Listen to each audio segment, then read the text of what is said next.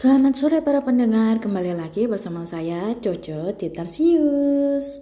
Hari ini kita akan membahas beberapa um, penulisan bahasa Indonesia yang salah uh, kata. Nih kita ulangi lagi, membahas tentang penulisan kata bahasa Indonesia yang salah.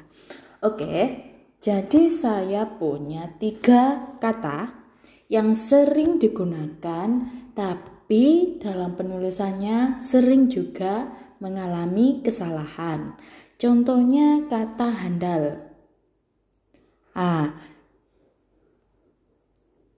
eh, mayoritas, ya hampir semua, hampir semua kata handal ini sebenarnya adalah salah. Kalau Anda menuliskan nulis uh, menuliskan kata handal dengan H A N D A L itu salah. Jadi yang benar adalah kata andal. Jadi kata baku dari kata handal adalah andal. Um, kata kedua yaitu kata hisap. Jadi yang benar itu bukan hisap tapi isap. ISAP, isap. Lalu kata yang ketiga ada kata hutang.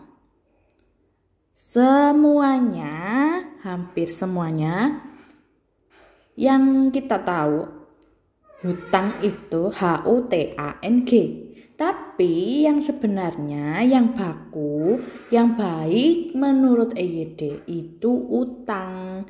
U T A N G utang. So, um, sorry, um, maaf. Jadi untuk kalian yang masih menggunakan kata hutang, hisap, dan handal, yuk kita perbaiki dengan menggunakan kata baku, andal, isap, dan utang. Sampai ketemu di episode selanjutnya dan selamat belajar.